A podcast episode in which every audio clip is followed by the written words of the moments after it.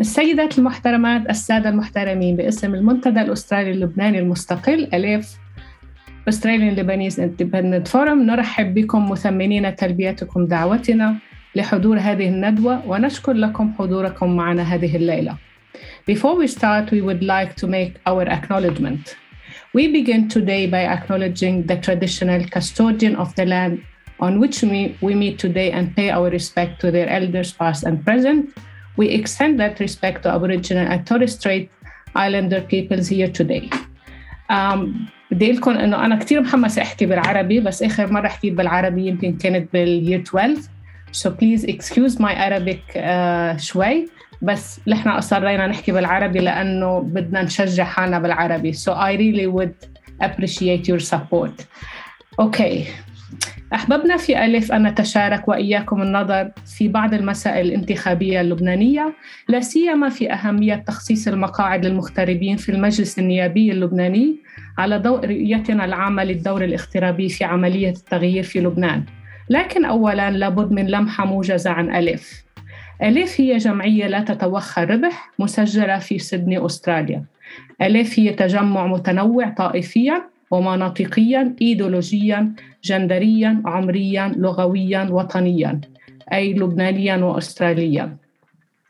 ألف تجمع ديمقراطي مستقل نشأ بإرادة مؤسسيه الذاتية لا نزولا عند رغبة أحد.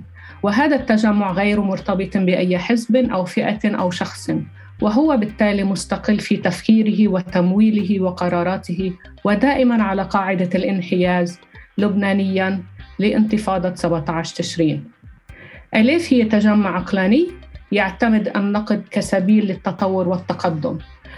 نمارس كمغتربين النقد على ما في تراثنا الثقافي من عادات وتقاليد ومفاهيم فنحتفظ بالذي ما زال صالحا ومفيدا لنا منها في حياتنا الجديدة ومتخلين عما أصبح غير مفيد. كما نقوم في نفس الوقت بالعملية النقدية ذاتها بالنسبة لثقافات الآخرين في المجتمع الأسترالي الأوسع. هذا النقد برأينا يساعد على خلق مساحة مشتركة مع أجيالنا التي ولدت هنا ومع كافة شرائح المجتمع الأسترالي. تضم ألف جهودها إلى الجهود العاملة على رفع مستوى انخراط الجالية اللبنانية الواعي والهادف أولاً في الشأن العام الأسترالي لا سيما على الصعيدين الثقافي والسياسي. وثانياً في الشأن العام اللبناني من أجل التغيير باتجاه لبنان خال من الطائفية والفساد مدني متطوع ديمقراطي يؤمن بالعدالة الاجتماعية وتكافؤ الفرص على قاعدة الشخص المناسب في المكان المناسب بعيدا عن المحاصصة والزبائنية. بالعودة إلى الندوة وموضوعنا إن عنوان الندوة مقاعد المغتربين والدور السياسي للاغتراب اللبناني. ويريد أن يشير إلى أهمية تخصيص مقاعد نيابة المغتربين من أجل تمكين المغترب اللبناني من لعب هذا الدور السياسي.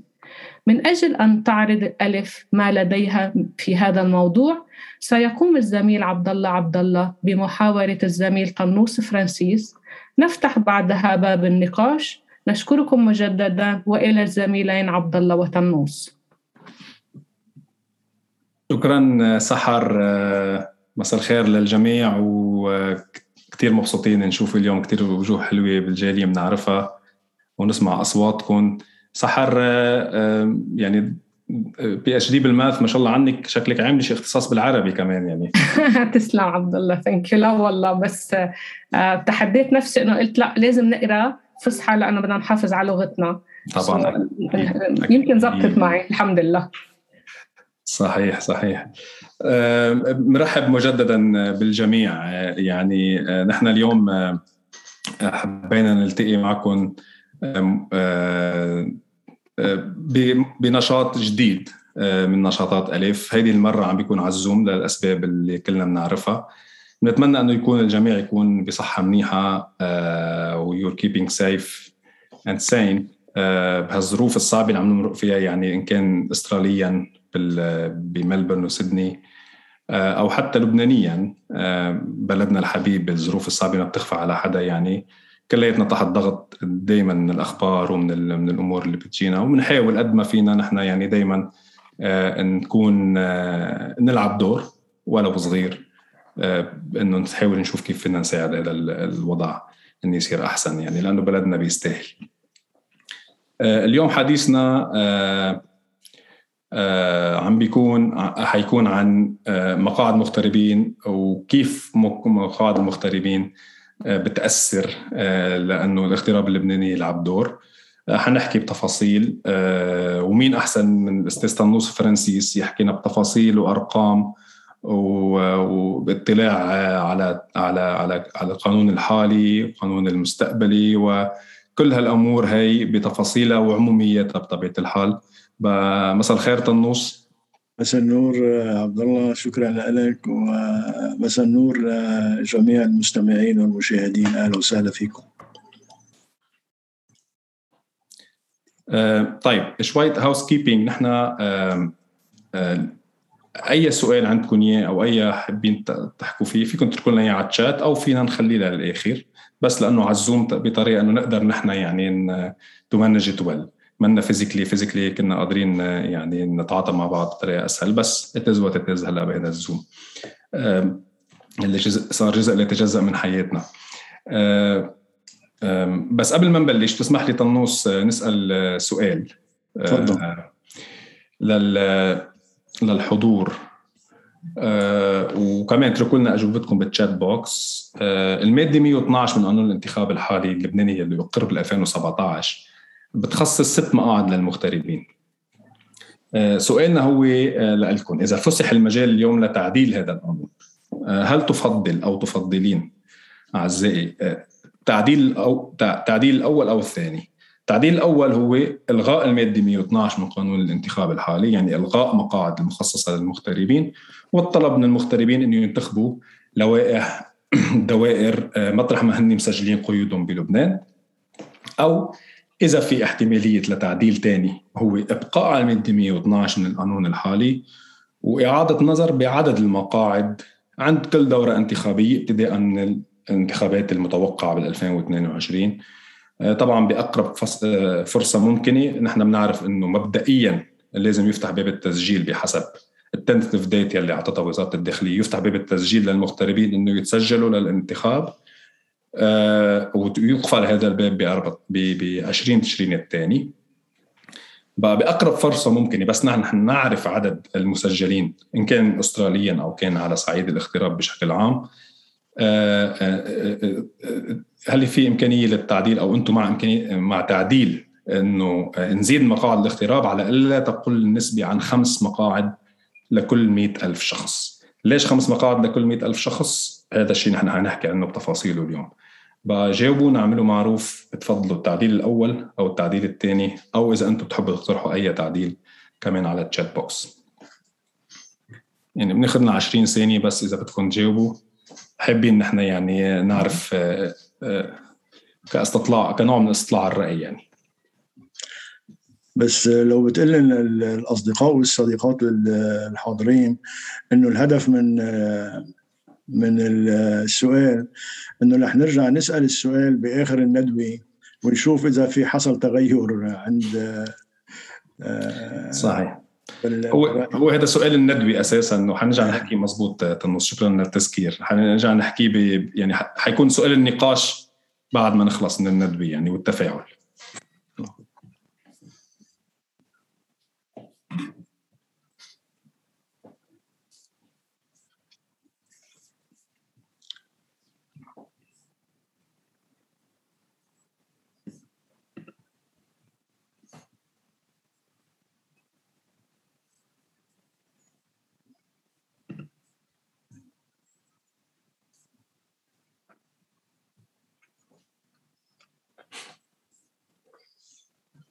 ما حدا عم بيجاوبنا أوكي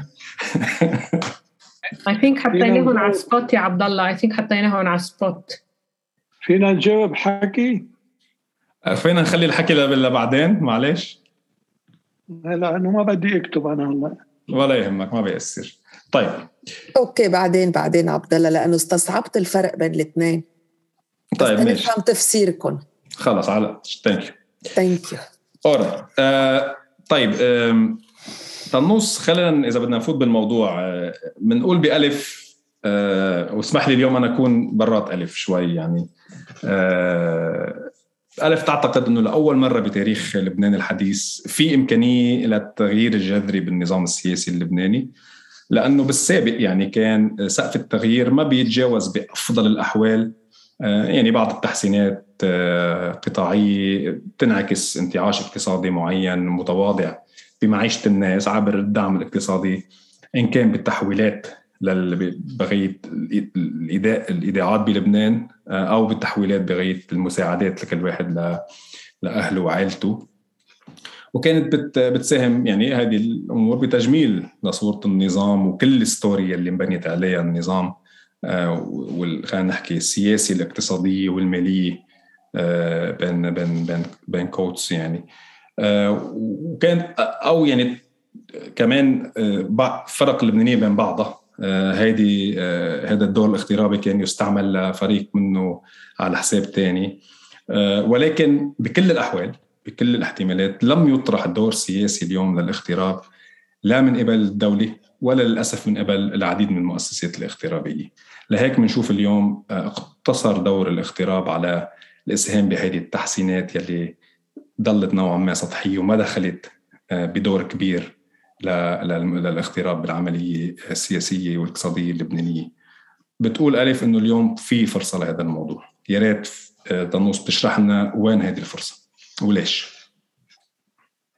أوكي عبد الله يعني شكرا للمداخلة والسؤال. آه، برأينا إنه في في فرصة والفرصة فتحت نتيجة نتيجة مستجدات وعوامل عديدة. رح نكتفي بذكر البعض منها عبد الله لو سمحت. أهم أهم مستجد هو انتفاضة 17 تشرين بانتفاضة 17 كلنا بنعرف إنه في مئات الآلاف من الناس آه، من كل من كل المناطق من كل الطوائف آه، آه، من كل إذا بدنا نقول متنوعين جندريا وخاصة من كل الأعمار. شبيبي المرأة كان لها دور يعني مهم جدا وبارز جدا. كلهم كانوا عم يطالبوا بشو؟ كانوا عم يطالبوا برحيل هيدي الطبقة السياسية اللي حكمت البلد من 30 سنة لحديت هلأ طبعا مش عن عبس كانت المطالبة نتيجة صحيح. الوضع المأساوي اللي وصلوا البلد صحيح وكانت عم تطلب بنفس الوقت إنه الخلاص من هذه يعني دولة المحاصصة والزبائنية والى آخره. يعني نقدر نقرب شوي من دولة المواطنة والعدالة الاجتماعية تكافؤ فرص شفافية محاسبة إلى آخره. فهذا عامل مهم. يعني بيفتح مجال للتغيير السياسي الجذري في لبنان. ومثل ما قلت يعني بالسابق كان يعني العمل السياسي بأغلبه كان يقتصر على على تنافسات بين أطياف الطبقة السياسية نفسها. العامل المهم الثاني هو الحقيقة الانهيار اللي حصل. يعني قبل قبل الانهيار كان كان المغترب بدك تقول مطمئن إنه في دولة بالبلد عم تصرف شؤون الناس إلى آخره. بس بعد الحوادث الحد الأدنى. الحد الأدنى طبعا عرفت؟ وبشكل سيء طبعا يعني. بس إنه يعني في دولة وعم تصرف شؤون الناس وإلى آخره. وما كان هذا الانهيار يعني يوصل لهذه الدرجة كان الناس عندها أمل يعني. فيعني هذه آه، المسألة طرحت على المغترب الحقيقة كمان تحدي تحدي جديد ما كان مطروح سابقا. هو تحدي القفز والاشتراك مباشرة آه، في في في إعادة آه، آه، رسم آه، آه، نظام سياسي جديد للبنان والقوانين يعني المترتبة على هذا النظام وإلى آخره. فهذا يعني دور كمان فرضوا هذا المستجد اللي هو الانهيار اللي حصل بالبلد وتفجير أربعة زاد الطين بلدي طبعا تفجير أربعة وكل الانهيارات اللي حصلت يعني من بعد يعني بتعرف من 2019 لحديت هلا. هو يعني كان بلش انهيار من زمان. العامل العامل الثالث مثلا فينا نقول إنه هو التغير اللي حصل بطبيعة الاغتراب وإمكانيات الاغتراب. يعني الاغتراب القديم الخمسينات الستينات مع احترامنا لهم لجهودهم الكبيرة وأن هن يشتغلوا فعلا بشكل كثير كثير كثير صعب وكثير في كثير من التفاني. ولكن نجحوا بشغلهم والى آخره. ولكن يعني ما كان عندنا الأبيليتي انهم يشتغلوا بوظائف عالية يعني تخولن دخول عمل سياسي معين. ولكن هودي يعني المغتربين هودي اليوم صار عندهم أولاد وأحفاد هون وصاروا يعني متبوئين مراكز كبيرة. وصار عندهم هيدي ال ability plus إنه التغير اللي حصل يعني موجات الهجرة الثانية اللي حصلت بعدين بالتسعينات وما بعد كانت كمان على مستوى يعني من التعليم ومن الانخراط في الشأن العام. آه، انتبهت كيف عبد الله؟ ف آه، وخاصة الهجرة الأخيرة اللي حصلت بعد بعد انفجار بيروت وإلى آخره يعني كل كادرات على مستوى رفيع.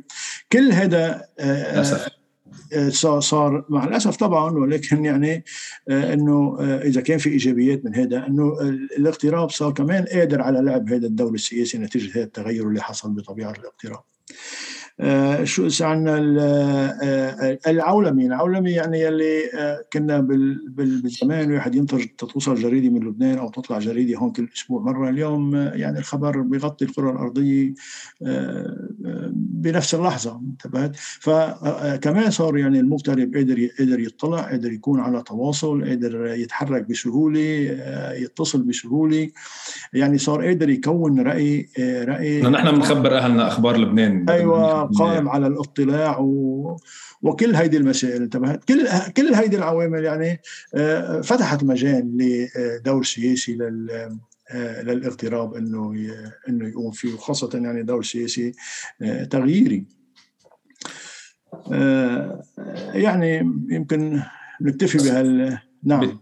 طيب بس بضل يمكن في يمكن لينك ناقص هون تنوص يعني من هون يمكن الدعوة لاقامه هذه الشبكة التواصل الدائم مع الاغتراب آه، يعني وهي الدعوة لاشراكه أكثر آه، بالعملية السياسية عبر آه، يعني عبر التشريعات تشريعات للنظام النظام الجديد أو لتحسين النظام.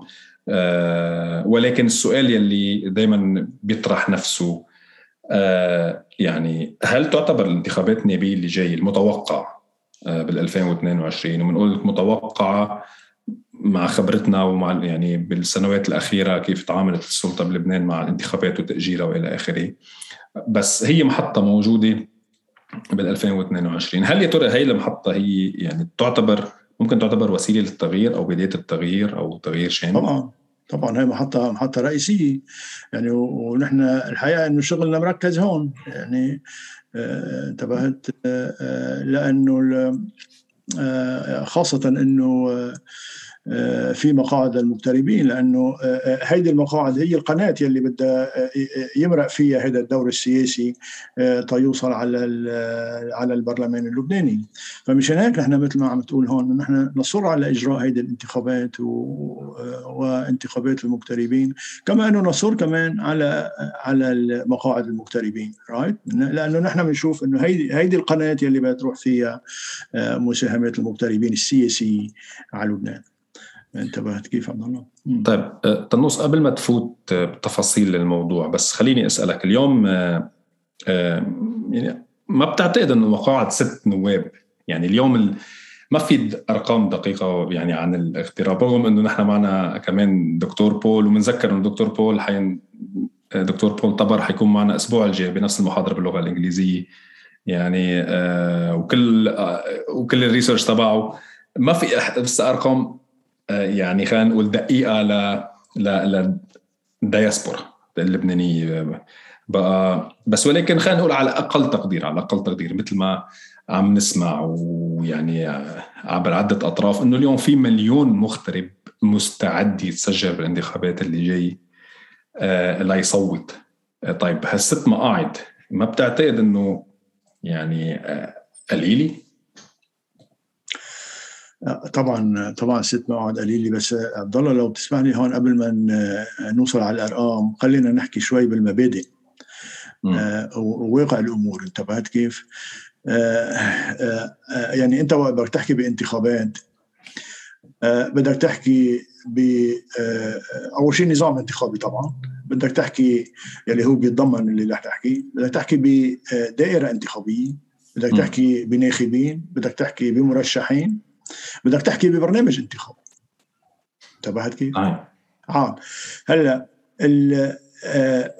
الدوائر الدوائر الانتخابية يعني تخصيص مقاعد للمغتربين راي آه هو اللي بده يسمح إنه المغتربين آه, آه، ينتجوا آه، البرامج الانتخابية آه، الخاصة فيهم. الخاصة فيهم بمعنى إنه شو رؤيتهم هن للنظام السياسي الجديد في لبنان والقوانين المتعلقة فيه لاحقا عرفت علي؟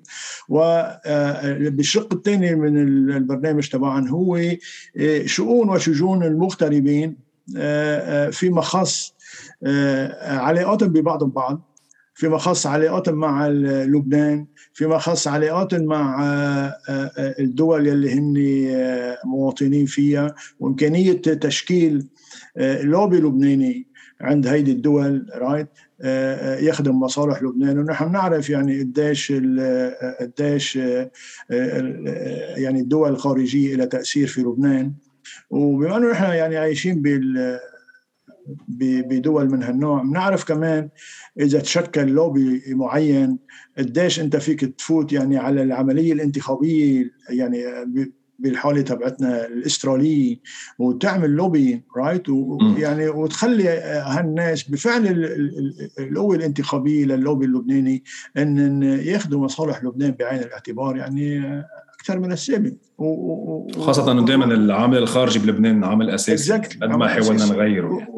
وقس على ذلك بكل الدول. يعني هذا ليش نحن يعني مع إنه يكون في مقاعد المغتربين لأنه هيدي المقاعد هي اللي بتسمح لك عندك دائرة بدك تعمل برنامجك على هذه الدائرة إلى آخره. هلأ لو لو رحنا على على الجانب الآخر انك يعني في وجهة نظر بتقول انه لا بدل ما يكون في مقاعد للمغتربين آه، خلي المغتربين ينتخبوا بلبنان آه، كل واحد ينتخب آه، بالدائرة تبعته. هونيك محل موجود القيود تبع. طيب لو افترضنا لو افترضنا هلا هيك إن شاء الله ما يصير طبعا بس لو افترضنا هيك. السنة كنا عم نقول إنه آه، آه، هو أساسا تقسيم حسب الدوائر. ليش؟ لأنه مشان يكون دائرة كل دائرة في مين يمثلها عند البرلمان. لأنه دائما كل دائرة بيكون عندها خصوصية معينة فيما خص مثل ما قايلين هون المي والكهرباء والتليفونات والتعليم والطبابة وال public transport المشاريع الإنمائية كلها. المشاريع الإنمائية الخاصة بهذا. عرفت طيب أنت أنت قاعد بأستراليا أو قاعد بأمريكا أو قاعد بأفريقيا. يعني انت ومهاجر مستقر انتبهت علي آه، انت هيدي هالانجازات هونيك أو الخدمات ما بتعنيك يعني ما انت مش على تماس معها. وبالتالي انت مش بموقع تبدي رأيك فيها.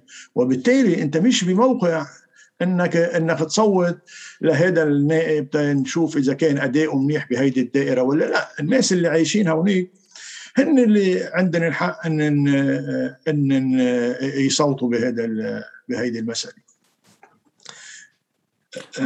اسمح لي بس أشير لشغله إنه ال meeting هذا طلع live stream على الفيسبوك بس just for everyone يعني to know إنه نحن live على الفيسبوك حاليا. تفضل طنوس عفوا على المقاطعة.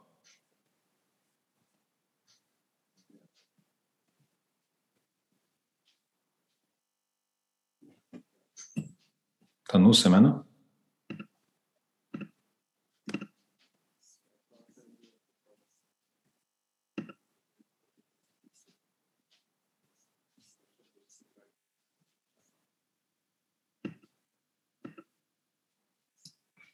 I think we lost him, Abdullah. Yeah, we lost Tanos. I'll call him.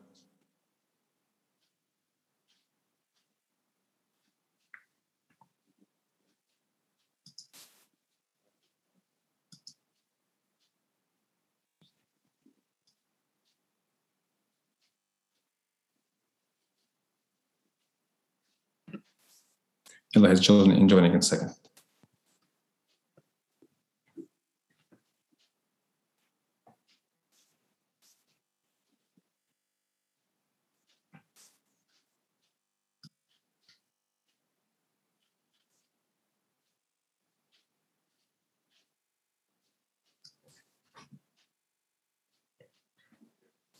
Sorry, everyone.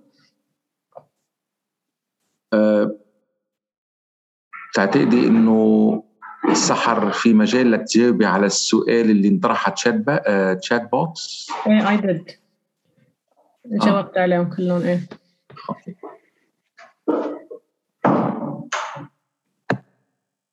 thank you Paul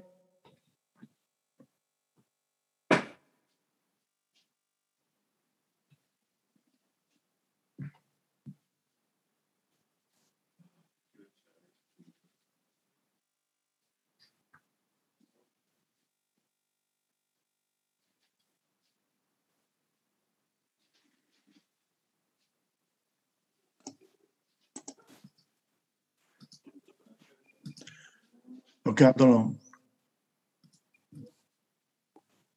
اشتقنا لك يا النص أنا آسف جدا. يعني.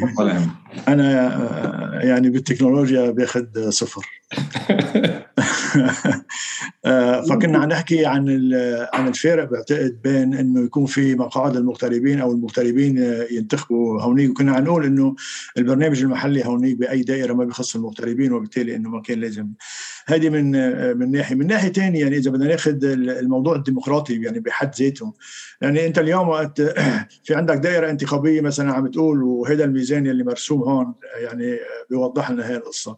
إذا عندك آه، آه، مرشح ممكن إنه يطلع يعني يربح بدائرة معينة يلي هو مسميناه هون سي 1 بنشوف الميزان قالب لعنده حيربح right هلأ بتجي أصوات اغترابيه right مثل ما قلنا إنه هي ما لها علاقة بهيدي بالأداء الأداء هذا المرشح هونيك أو النائب يعني أنت بتقصد تنوص هذا candidates بلبنان صح؟ إيه إيه بلبنان عم 1 candidate 1 candidate 2 بلبنان هم مرشحين بلبنان. هودي مرشحين بلبنان بدائرة وحده كيف؟ ال ال اذا إذا تركنا الانتخاب للمقيمين لوحدهم بدون تدخل المغتربين افترض رح يربح ال candidate 1 C1 مشان هيك الميزان نازل لعنده right اذا إذا إجوا المغتربين لسبب ما right وانتخبوا ضد هذا المرشح وقدروا يميلوا الميزان لصالح المرشح الثاني شو ممكن عملنا يعني ديمقراطيا. بيكون يعني هالناس يلي هن هونيك شايفين أداء هذا النائب إنه مش ملائم ولازم يشيلوه. إجوا ناس من الاغتراب ما لنا علاقة بأداء هذا النائب المحلي. وقال لا بدنا نخلي هذا هو يكون ممثلكم للأربع سنين تاني يعني ديمقراطيا ما ويمكن الفرضية هون إنه الاغتراب حيصوت لل لل, لل... يعني للربحان. أسوأ. قال لك ليش أسوأ؟ شو بنكون استفدنا. ما هو ربحان وربحان بنكون الغينا مقاعد المغتربين وما ربحنا شيء هونيك. انتبه؟ إيه، إيه، هني هني هلأ يمكن بعد شوي بنفصلها أكثر بس يمكن الفرضية تنوص هون إنه يمكن يعني البد يعني إيه، إنه بما إنه الاغتراب حيصوت الأغلب لمرشحي الثورة. يعني مشان هيك يمكن بدهم يستعملوا الاغتراب ل يمكن لقلب النتيجة بس هلا بتصور هيدي يمكن تشرحها انت بعد شوي صح؟ عم تقول يعني إنه آه يعني خلينا نفرض إنه الاغتراب هو هون اجى وحط weight زيادة okay yeah. إذا هذا صوت الاغترابي هون خلينا نقول okay so ربح المرشح ال candidate 2 بالدائره أيوة. من وراء أصوات المغتربين. أيوه. ال argument اللي عم بتقولوا اللي عم بتقولوا إنه آه هذا الشيء ما بيجوز لأنه ما لازم الاغتراب يكسر إرادة الناس اللي هنيك اللي عندها شؤونها وهمومها و... و... مظبوط.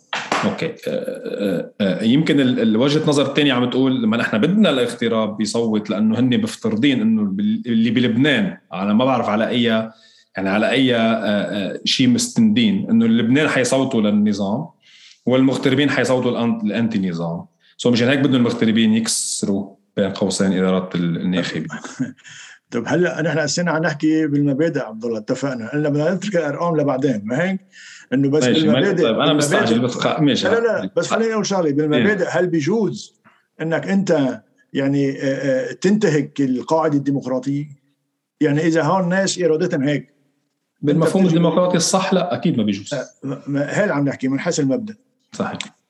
آه، أضف إلى ذلك إنه إذا أنت يعني طلبت من المغتربين إن هن آه، ينتخبوا بدوائر لبنان right شو صار بالاغتراب؟ شو صار بالبرنامج الاغترابي؟ right شو شو صار باللوبي اللبناني؟ شو مين بده يمثل المغتربين؟ ببرلمان آه، آه، بلادهم right إن شاء الله بدك تقول لي إنه كل واحد من ال 128 بلبنان هو بده يمثل ال بده يمثل المغتربين. هلأ بنشوف later on عبد الله إنه قديش نسبة نسبة المغتربين عند المقيمين. أكثر من هيك إذا بدك تحكي بالدائرة كنا عم نحكي إنه الانتخابات لازم تكون دائرة انتخابية دائما دائما في دوائر وإلى آخره. لو طلبوا من المغتربين آه، ان ينتخبوا بلبنان رايت أنت بتعرف يعني قديش رح تصير مساحة كل دائرة في لبنان عبد الله؟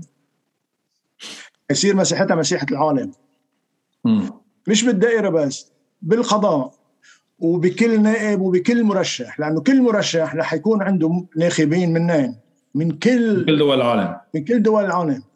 هل هذا معقول؟ هل هذا يعني عملي؟ ما هن أساسا هذا لبنان الصغير يعني هلا هو بسموه الكبير بس عرفت؟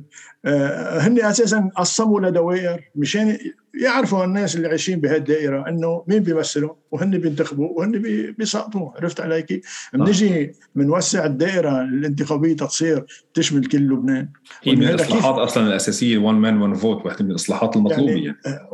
وهذا هالمرشح أو هالنائب كيف رح يكون على تماس مع الناخبين تبعينه يلي موجودين بكل الاصقار صحيح. plus إنك أنت إذا انتخبت النائب هون أنت قادر تحاسبه لأنه مين عم ينتخبوا؟ المغتربين. فقط لا غير ما حدا لا شريك لهم. معناتها إذا كانوا راضيين عليه بكفي. من الراضيين عليه؟ ثاني سنه بفل بحسب بحسب آه، بحسب مصالحهم الاغترابية واللبنانية. طبعا. م. طبعا حسب برنامج الانتخابي اللي حكينا عنه من قبل. صحيح. آه آه طيب بس آه عفوا. آه بعدك ما جاوبتني على السؤال الأساسي. وهو؟ من العدل إنه مليون شخص متوقع إنه يسجل ياخذوا بس ست نواب؟ لا. بس وين المليون؟ ما بعرف. منيح منيح, منيح إنك حطيت هالوحده هون هيدي عن أي النسبة هيدي اللي كان بدي أحكي عنها. هلا قبل ما اجاوب على السؤال تبعك بس أشير للمستمعين هون إنه قديش هي النسبة المئوية للمغتربين رايت آه، قياسا على المقيمين بكل آه، دائرة انتخابية بلبنان. كثير صغير وأنا ما بقشع مزبوط بس بتبلش من أدنى شيء 0.91 يعني أقل من 1% مغتربين بعلبك بعلبك الهرمل. بنصير نطلع من 1 ل 31 1.39 1.90 حنوصل على 3.02 وبعدين عند منطقتنا صغار البترون بشري الكورة 4.95 هي الدنيا طيب. عنا إحنا منتشرين منيح. آه، يعني أنت أنت بتشكل an average هذا الاخضر أنت حاطه بال average 2.32 يعني أنت بتشكل 2.32% من الناخبين ل... ل... لنائب معين. دخلك هذا النائب قديش بده يلتفت لك يعني؟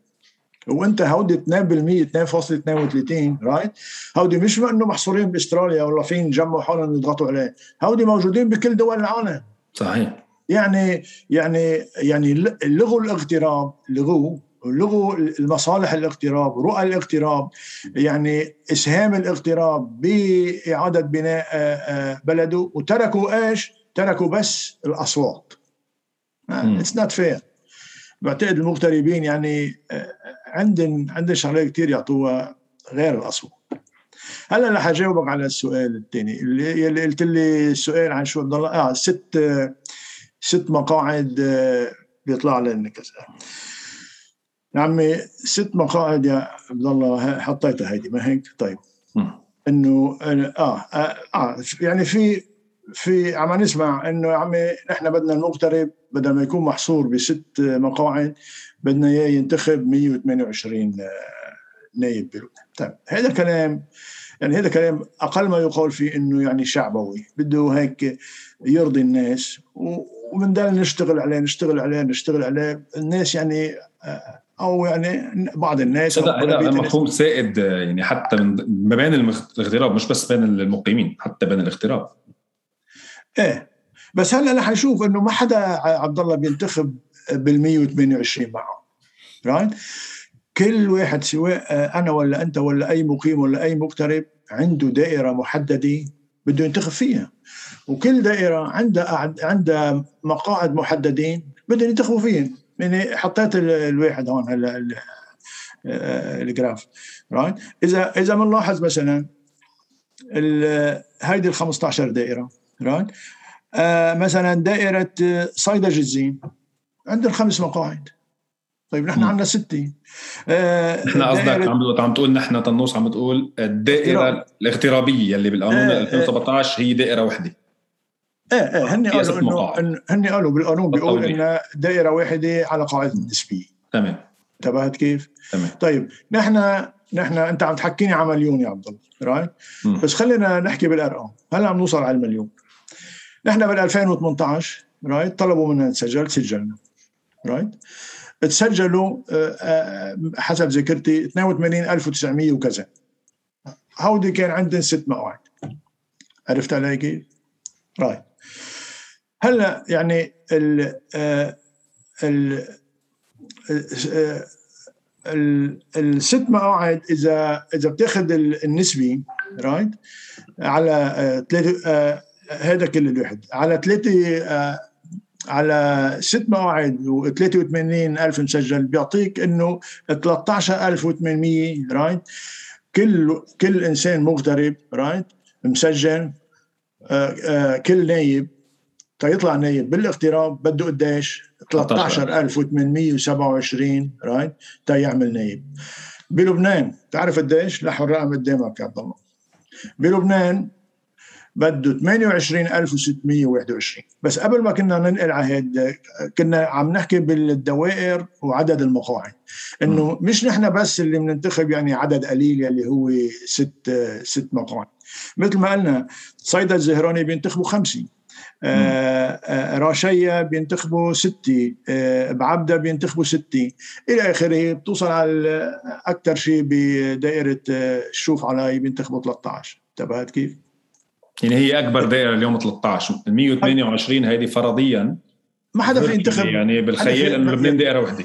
ما في لائحة اسمها 128 وإجي أنا أقدر أنتخب بهيدي اللائحة يا 128 انتبهت علي كيف؟ يعني يعني أصوات المغتربين حتتفرق يعني أكثر طبعا. أكثر شيء 13 ماكسيموم هذا أكثر شيء. 13 وهيديك. هلا إذا بدك تفوت بالتفاصيل ما بدنا هلا يعني نضيع المستمعين فيها. بعدين بالنهاية أنت بالنهاية رح يكون عندك صوت تفضيلي. وبالتالي صوتك رح يحسب مرة وحدة رايت سواء كانت اللائحة تبعتك 13 ولا 5 ولا 20 ولا قد ما كنت تكون انتبهت هلأ إذا رجعنا على النسبة المئوية اللي كنا عم نحكي عنها عن آآ آآ آآ إنه بلبنان بلبنان حسب المسجلين على لوائح الشطب المقيمين بال 2018 كانوا 3 ملايين و663 ألف كان بيطلع لنا 128 معهم. يعني قديش المقعد قديش النائب كل 28600 مسجل بيطلع له نائب واحد نحن بالاغتراب تسجلنا 82900 كان عندنا ست نواب انتبهت كيف؟ ما خلونا ننتخب فيهم قال لا انتخبوا بلبنان دورة الجاي بتنتخبوا فيهم وكمان هلا يمكن ما يخلونا ويداتنا عرفت كيف؟ آآ آآ كان كان كل 13800 بيطلعوا نايب. طيب يعني مين بيكون مين بيكون مظلوم؟ مش نحن. بس على سيرة المليون نحن هلأ بالسؤال اللي سألناه لل الاصدقاء والصديقات المشاهدين. بالسؤال اللي سألناه نحن شو قلنا؟ إنه آية بتفضل. انت بالخيار الثاني نحن شو قايلين؟ إنه عند بكل دوره انتخاب رايت بس يسكر باب التسجيل. انتبهت؟ آه شوف قديش في ناس سجلت. إيه.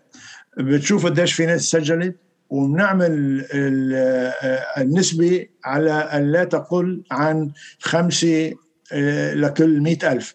هلأ إذا فيك فينا نشوف هذا ال graph تبع عدد المقاعد لكل هذا هو اللي بكل مئة ألف. تبعت كيف؟ عن إذا بنشوف يعني كل مئة ألف عم نحكي طبعا على 2018 قديش طلعنا بدوائر لبنان. يعني خلينا نبلش من الصغير لكبير. من الصغير آه، صيدا آه، سور سور الزهراني. سور الزهراني كل مئة ألف مسجل مقيم بيطلع له 2.36 نايب. right ومنكفي نحن وطالعين بنت جبيل 2.43 عكار 2.50 بنوصل بعدين يعني الشوف عاليه 4.04 بنكفي إلى أن نوصل يعني كلهم بصيروا بالأربعة بين الأربعة والخمسة. يعني تقريبا on average عندنا 3.76 من دون دياس هذا اللي بدي اوصل عليه بس خليني اوصل للاغتراب مم. الاغتراب هو الأزرق آخر وحدة right بتشوف إنه كل مئة ألف بالاغتراب بال 2018 كان طلع لنا سبع نواب فاصلة 23 طيب أي واحد بيكون مظلوم أكثر مقيم. right هلأ جيب لي مليون آه، آه، جيب لي مليون مغترب يتسجل هلأ قبل 20 تشرين right وساعتها قال لي إنه آه، الست ملايين الست مقاعد. له بناء على ذلك نحن رح نجي ونقول للسادة الكرام النواب إنه بال 2018 تسجلوا 83000 اعطيتوهم كذا. right هلا عندك مليون right هلا اللي عم نشوفه هون بهذا ال graph هذا مليون مليون يعني إذا بنشوف لبنان خل... خلينا لو سمحت عبد الله على على اللي قبله ال graph اللي قبله. الأخضر هو هو ال average لكل 100000 بلبنان. فاهم؟ on average كل 100000 بلبنان بيطلع له 3.76 نايب يعني 3.7 النواب تبع تعال. نحن جينا قلنا إنه لأنه الاغتراب مبعثر ومن الصعب إنك آه، تلاقي مئة ألف حد بعضهم وكذا نحن قلنا الاغتراب آه، ما في مشكلة إذا بتعطوه على كل مئة ألف خمس ما خمس مقاعد. من هون جاي الخمس الخمس مقاعد. من هون جاي الخمسة رايت آه نحن بنتمنى نعطيه عشرة بس كمان وقت بدك تطالب بشغلة بدها تكون منطقية وبده يكون لها أساس. انتبهت كيف عبد الله؟ هذا من هون الحقيقة إنه آه، آه، نحن تمسكنا بمقاعد المغتربين right و, و... يعني أول شيء في تمسك مبدئي. plus صحيح. يعني والأرقام تثبت هذا الموضوع. الأرقام آه، يعني لها حلين يعني إذا بدنا نرجع للسؤال الأساسي تبع تبع ال webinar اليوم إذا كان هذا القانون بحاجة للتعديل okay من ناحية إلغاء إن كان إلغاء المقاعد أو المطالبه طلبة الاغتراب بزيادة آه، بزيادة المقاعد أو إلغاء أو الاغتراب بصوت آه، بلبنان. اليوم اللي بده يعدل هذا القانون هي الطبقة السياسية. هل يتس يعني ان كيس هي لصالحها أو هي لصالحها، هل ستسمح الطبقة السياسية بأي من التعديلين إنها تصير بالأساس؟ والهذا يعني هذا هي مسألة أساسية مضبوط هلا الاغتراب بيقول لك يعني أصدقائنا بقوى التغيير آه بيقولوا لك إنه الاغتراب كله معنا مشان هيك نحن بدنا الاغتراب ينتخب بلبنان يعمل تسونامي هونيك يشيلنا هودي الجماعة من السلطة ونبني نظام جديد. طيب أنت بفتكر إنه هودي الجماعة يعني هن أغبياء يعني إنه نحن أذكى منهم؟ ما هودي أذكى منا ب 100 مرة يعني ولا لأنه من أذكى منا ما سين حك منا لهلأ. أنت بعد كيف؟ فهودي الجماعة يعني بس يستشعروا إنه إنه هذا الاغتراب ممكن يقلب النتائج بلبنان ضدهم. ما ممكن يعطوك تعديل انتخابي ويقول لك خلي المغتربين ينتخبوا بلبنان. ما ممكن. وإذا ودير بالك إذا إذا قبل باللحظة اللي هاي الطبقة بتقبل إنه المغتربين ينتخبوا هونيك معناتها هن متأكدين إنه ميزان المغتربين مايل لصالحهم وبنكون دعوتنا نحن إنه يعني نحن بدنا الاغتراب ينتخب هونيك بتكون خدمتهم هن ما خدمتنا نحن. عرفت؟ هلأ مشان هيك عم نقول إنه إنه إنه هاي السلطة مش رح تتخلى مش رح تحط ال 128 نائب in risk.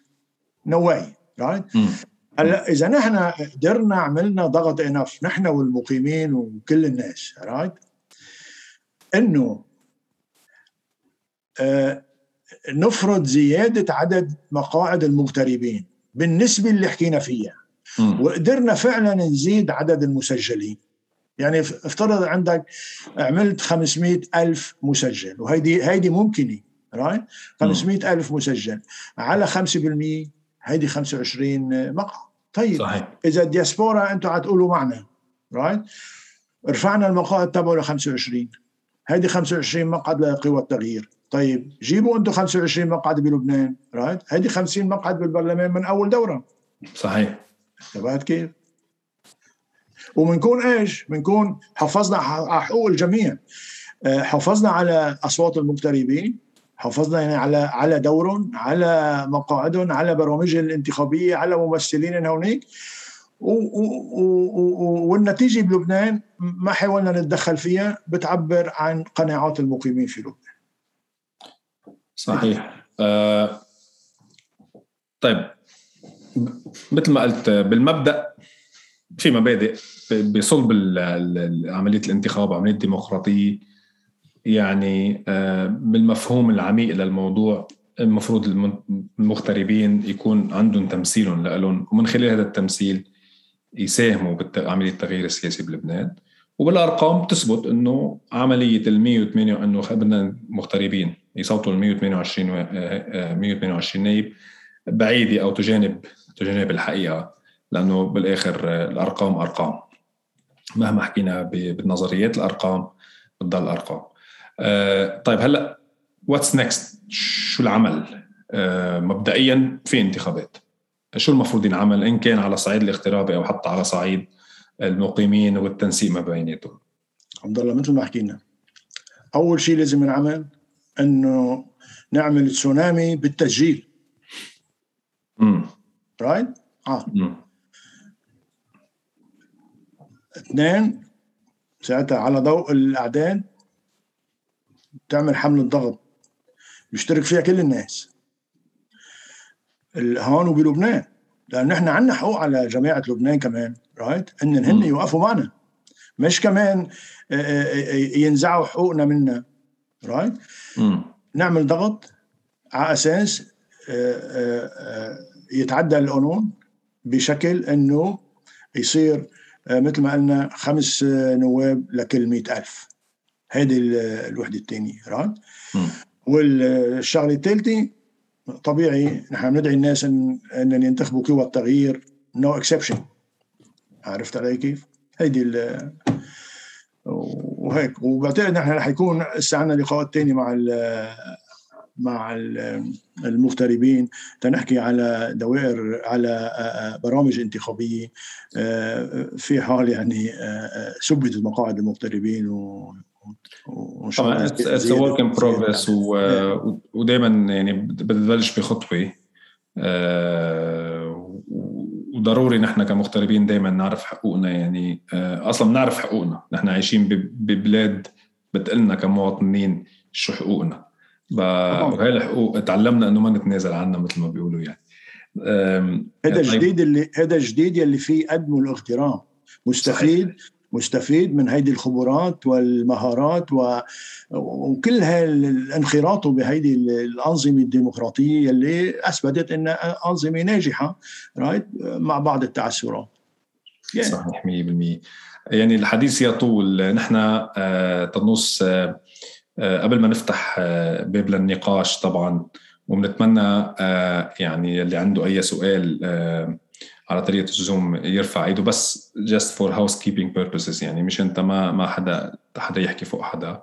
بس قبل ما نفتح آه، الباب للنقاش آه، بنحب نقول إنه آه، هيدي ال presentation أو هذا هذا النقاش تبعنا تم تطويره بخلال ورقة عمل أو ورقة موجودة اللي بيحب يحصل على نسخة منها. simply بعث لنا إيميل على ال info alef.org.au وبنتشاركها بنتشاركها معكم. كل معظم هالمعلومات هذه اللي حكينا فيها اليوم آه، أو أغلبها موجودة بهذه الورقة. آه، بنرجع لنقاشنا الأساسي يعني آه، مثل ما عم نقول. وطبعا open لأي discussion إذا في مجال إنه فتح فتح المجال اليوم لتعديل القانون بتفضلوا إلغاء مقاعد المغتربين. أو زيادة مقاعد المغتربين بنسبة 5 لكل 100 ألف.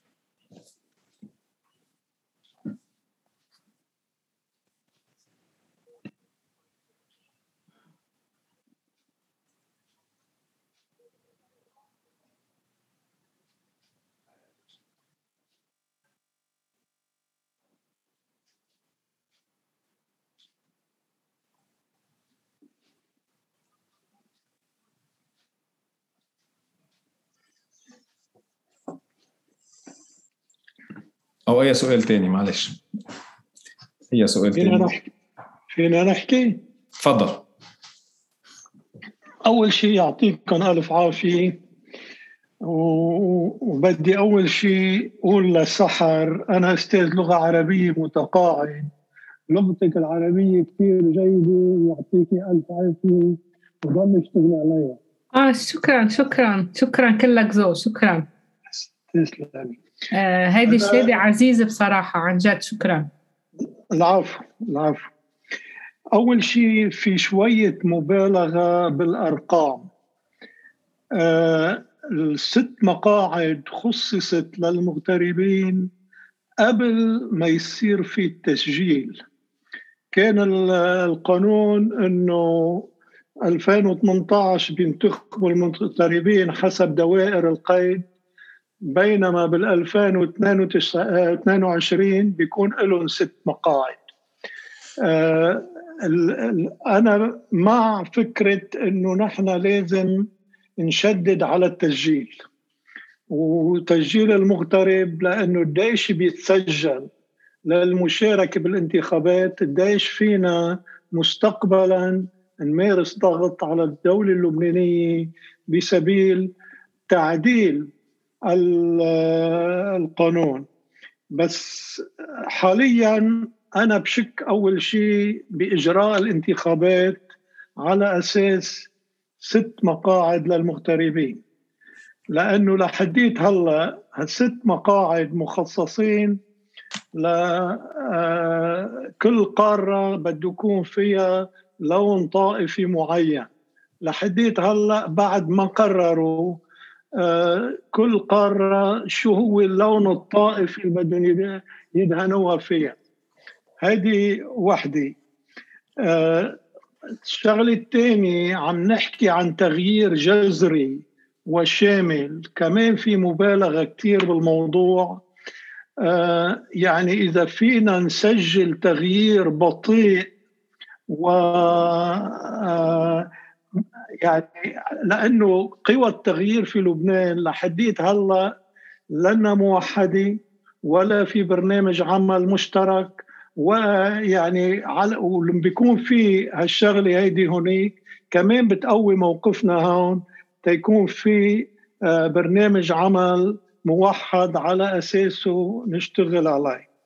في نقطة مهمة جدا بالنسبة لانتخابات إن كان على أساس القيد آه، في لبنان أو إذا كان آه، ممثل للمغتربين. أنا برأيي إذا بدنا ننتخب مثل ما انتخبنا بال 2018 اللي رافق 2018 شاف إنه في بدوائر معينة جابوا لنا كل الخلافات اللي تركناها ورانا بلبنان. يعني من عائلية لطائفية لزبائنية لا إلى آخره. جابوا لنا إياها لهون وشكلت شكلت مشاكل بدوائر معينة. وأنا عم بحكي عن تجربة صارت معنا هون وبعدها لحديت هلأ عم تتفاعل نتيجة انتخابات 2018 بينما إذا كانت الانتخابات على صعيد المغترب يخت... ينتخب ممثل عنه. هذا مجال لتوحيد الجالية لأنه تصوروا معي أنه برنامج عمل المرشح مثلا بأستراليا. بدي أنا لنفرض أنا مرشح وأنت مرشح. آه مثل ما ذكر طنوس من شوي ما رح نتنافس على تزفيت طريق أو جاب المي أو وظيفة أو إلى آخره.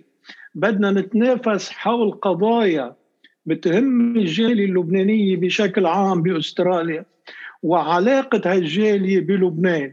يعني بدنا نطرح مشروع توحيدي للجالية وهون ممكن ينتج عنه لوبي لبناني يعني في نقطة كثير مهمة أنه عامل توحيدي على صعيد الجالي بينما انتخابات مثل ما جرت بال 2018 عامل تفتيتي وعامل نقل خلافات اللي بلبنان لها.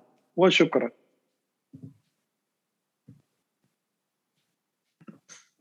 نوصل الكلام لحضرتك تفضل. آه، شكرا آه، أستاذ جورج. آه، كان بدي منك شهاده بالعربي كمان بس يلا ماشي.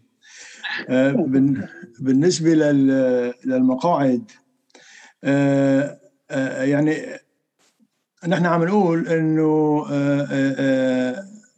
خمسة بالمئة ألف قياسا تقريبا قياسا على الأفريج بلبنان. بالنسبة للتغيير الجذري طبعا نحن يعني نطمح للتغيير الجذري وبعتقد يعني انتفاضه 17 17 تشرين هي طرحت التغيير الجذري. بس طبعا الإمكانيات يعني هي اللي بتحدد يمكن اي متى التغيير وبعدين أحيانا يعني التغيير يأتي من حيث لا ندري. وموافق معك تماما على الخلافات وكلنا يعني شاهدناها بانتخابات 2018 شكرا لك ستي جورج. إليك. آه، إذا أنا تسمح لي عبد الله أحكي شوي؟ إيه تفضل ولا آه يعني بس أول شيء شكرا يعني على المناسبة شكرا على المداخلة طنوس الغنية جدا. آه واللي أنا برأيي يعني لأول مرة عم نسمع وكان يا ريت في آه، يعني حاضرين أو مشاركين آه، بأعداد أكبر. لأنه نحن بتقديري آه، وبكل تواضع بهاي المناسبة ألف عما تدشن خطاب سياسي مهجري جذريا يختلف عن الخطاب السياسي المهجري الذي كان سائدا لغاية الآن. هيدي منصة آه، عامة آه، لأول مرة بتحكي هاي اللغة اللي فعلا لازم تكون هي لغة معممة ومكرسة ومعززة بأوساط المغتربين. ليش ليش هذا الكلام فعلا أنا عم بقوله؟ مش كلام إنشائي ولا كلام تبجيلي ولا كلام يعني شخصي إذا بدكم. آه، بالواقع هو كلام سياسي. كلام سياسي لأهمية المضمون اللي عم ينطرح آه، بهي الندوة أهمية المضمون هو عم نطرح نحن مبدأ أساسي آه، حتى ولو كان هذا المبدأ ضدنا يعني ضد المغترب ممكن يشتغل ضد المغترب. عم نطرح مبدأ اسمه على المغترب أن يعني يمثل ذاته في علاقته واهتمامه آه، مع لبنان آه، وفي تصوراته الخاصة كمغترب آه، عن لبنان وما يريده من لبنان وما يريد هو أن يقدمه للبنان. برأيي هيدي كثير مفصلية وسياسيا ومبدئيا بتشكل خطوة أساسية بطرح خطاب سياسي جديد للمغترب بحيث يبلش المغترب يحكي سياسي آه، بعلاقته مع لبنان منطلقا من مصالحه منطلقا من شو هو ممكن آه، آه، يكون بده إياه من لبنان وشو ممكن لبنان يكون أو لازم يقدم له كمغترب. لأنه لحد الآن لحد الآن المغترب اللبناني كان دائما ملحقا بصراعات قليل ما يكون له إذا ما كان ابدا ما له أي مصلحة فيها بلبنان.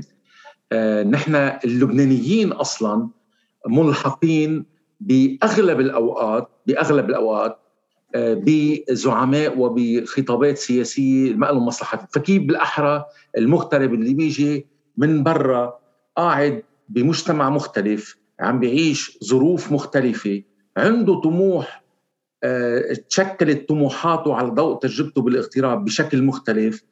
عم تيجي تطلب منه يروح يصوت ويدلي بصوته لشخص آه، يعني همه بمحل تاني. كله تحت اسم إنه أنت بتحب لبنان ولبنان فاتح إيديه لك وأهلا وسهلا فيك ومشي بوشو لبنان وهو أكبر ضحية المغترب لهذا النظام اللي عم بيقول له أنت نحن وياك ما في مشاكل.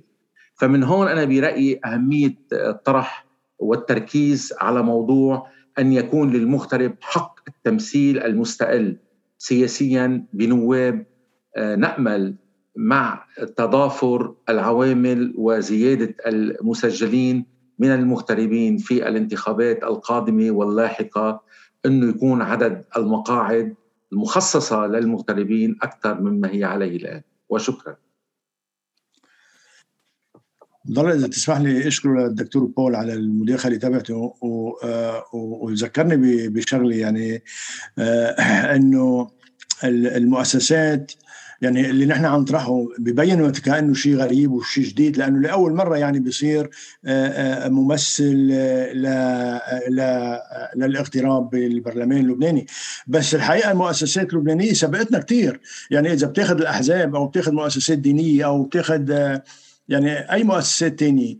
آه، هي آه، آه، جماعاتها هون كيف بتتمثل بالمجالس العليا تبع الأحزاب تبعهم أو المؤسسات؟ بيتمثلوا من خلال إنه الجماعة اللي هون بينتخبوا حدا من هون يمثلن let's بالمجلس الأعلى تبع حزب هونيك بلبنان right ما بيتمثل يعني هذا الحزب اللي هون ما بيتمثل عبر الممثلين تبع ضيعته بلبنان بالمجلس الأعلى تبع حزبه انتبهت علي كيف؟ يعني آه، سابقين عليها. يعني نحن عم نكفي شغلة هن آه، آه، هي هي ممارسة على الأرض يعني. ما بعرف إذا عند الكل الأطراف هيك طنوس بس, إيه، بس في كثير من الأطراف دكتور بول بيعتمدوها يعني. يعني إذا بدك تحكي يعني يعني اليوم يعني المؤسسات اللي بتتابع شؤون شؤون الاغتراب. بتتابع شؤون الاغتراب عبر ممثلين للاغتراب بهيدي المؤسسات هونيك. ما بتتابعها يعني عبر عبر القرى يلي إجوا منها والمدن يلي إجوا منها. يعني ما بتروح لعند آه، فلان بهالضيعه بتقول له أنت شو في عندك مثلا آه، مغتربين بإستراليا من هود الناس آه، من من ضيعتك وشو حاجياتهم وشو فينا نعمل لهم وإلى آخره؟ نعم نعم. بيكون في ممثل من إستراليا بيجي بيقول والله نحن بإستراليا وضعنا كذا كذا كذا. شكرا.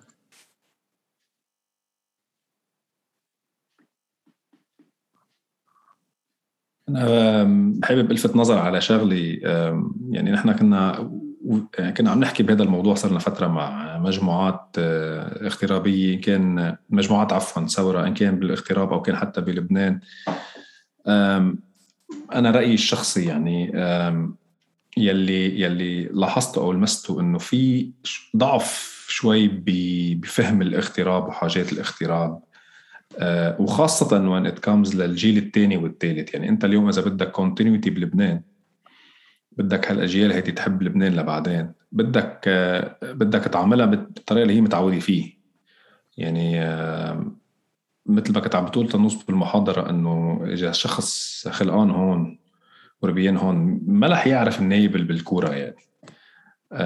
ما رح يعني له شيء إنه يصوت لنايب بالكورة. وإذا ما عمل وعلى هالمعدل يعني حتى المهاجرين من الجيل الأول بعد مع مع مرور الوقت بيصيروا كمان they lose interest نوعا ما. يمكن شوي التطورات الدراماتيكية اللي صار بلبنان مؤخرا مع الثورة مع تفجير بيروت مع مع رجعت تشدد شوي المغتربين. بس بالأول انه إنه خلص ما especially انه especially عم نحكي على الاغتراب البعيد الأمريكاني الأسترالي الكندي إلى آخره. يمكن شوي غير الاغتراب القريب اللي هو اغتراب الدول العربية يلي أصلا هو اغتراب expatriates أكثر منه اغتراب دايم يعني. ضلوا يعتبروا kind uh, of uh, يعني مؤقتين. ما عندهم مجال للتثبت. so so, عم نحكي على الجيل الثاني والثالث نحن كيف بدك هالجيل الثاني والثالث إذا ما شاف حدا قاعد هو وياه وسأله؟ هو معود على هيك. معود على هيك بدول الاغتراب إنه بيقعد مع النايب بيقول له أنت عملت كذا هيك هيك هيك غلط هيك هيك هيك, هيك صح. طيب بالحياة الاسترالية طيب بالحياة اللبنانية نحن ما بنستفيد من هالتجربة الناجحة التجربة الجيدة جدا. إنك توصل هيك نوعية من العقليات بفكروا بهالطريقة آه، طريقة المحاسبة طريقة ال... يعني شفنا اليوم بوزير بأستراليا استقال اليوم لأنه اجى donation من آه، من آه، بمليون دولار كانت ما ما ما declared يعني. اليوم استقال وترجع على ال back على ال back bench so, من من هذه من هذا المنطلق نقطة كثير مهمة إنه يصير الاغتراب عنده ممثلين له، أنا هذا رأيي الشخصي إذا بحب يعلق. كمان أنا بحب عبد الله عفوا آه، سيلفا بدك تحكي؟ تفضل تفضل بحكي من وراك تفضل لا لا please أنا لاني أخذت دوري فيك تفضلي إذا تفضلي سيلفا. لما بدي بين إني قطعتك أول شيء بدي أشكركم على هالنقاش الحلو. أستاذ طنوس كثير حلوة آه هال presentation اللي قدمت لنا إياها آه وهيك وفيها غمق وحبيتها. أنا بحب علق على النقطة اللي قالها آه عبد الله إنه في عند كنت عندنا تحدي الجيل الثاني وجيل آه الجيل الخلقان هون إنه يضل عنده هالاهتمام أو آه إنه يقدر يشوف له أي دور بلبنان رغم إنه بشوف كل الأهالي هون عم يجربوا يخلوا أولادهم يحبوا لبنان ويروحوا بس ما تنسوا إنه كمان الهجرة اللي صارت الحديثة هلأ بهالسنة هجرة ناس عن يأس صار في نزيف. لبنان اليوم عم يصير في نزيف. من أدمغة من أطباء من من من مثقفين. وهذا نزيف عم يطلع يأسان بشكل يعني بالفعل يئس إنه هيدا التغيير الجذري اللي نحن عم نحكي عنه ونحلم فيه من بعيد. ما بعتقد عنده بعد أي أمل بهذا التغيير الجذري؟ هيدي وان ثانيا عم نحكي بتغيير جذري وعم تحكي يا عبد الله بمحاسبه بوقت بعده الشعب عم بيعاني مش بعده بي بوسط أزمة غير مسبوقة بالعالم انهيار أزمة معيشية. بالفعل فقر الشعب اللبناني صار تقريبا أكثر يمكن 70% ما بعرف النسبة قد صارت تحت خط الفقر يعني نسبة وانهيار غير مسبوق. يعين تعين حكومة بيروحوا وزيرين بيصير قواص يمكن بيروح نص رح كان رح يروح نص نص أهل الضيعة من القواص هيدا شعب بده يحاسب على شو عم تقوصوا وترحبوا فيهم بعد ما ما بنعرف مين هن سو بعد شعب لا عنده للأسف ثقافة المحاسبة بعده لهلأ بعد بيفرح بتعيين وزير من ضيعته انطروه حاسبوه خليه يشوف شو بده يعملكم قبل. هن وبنص الأزمة. يعني كان أنا هالمشهد خلاني بالفعل إيأس إنه هالتغيير الجذري يوما ما رح يصير بلبنان. هيدي هاي النقطة كنت بدي أقولها.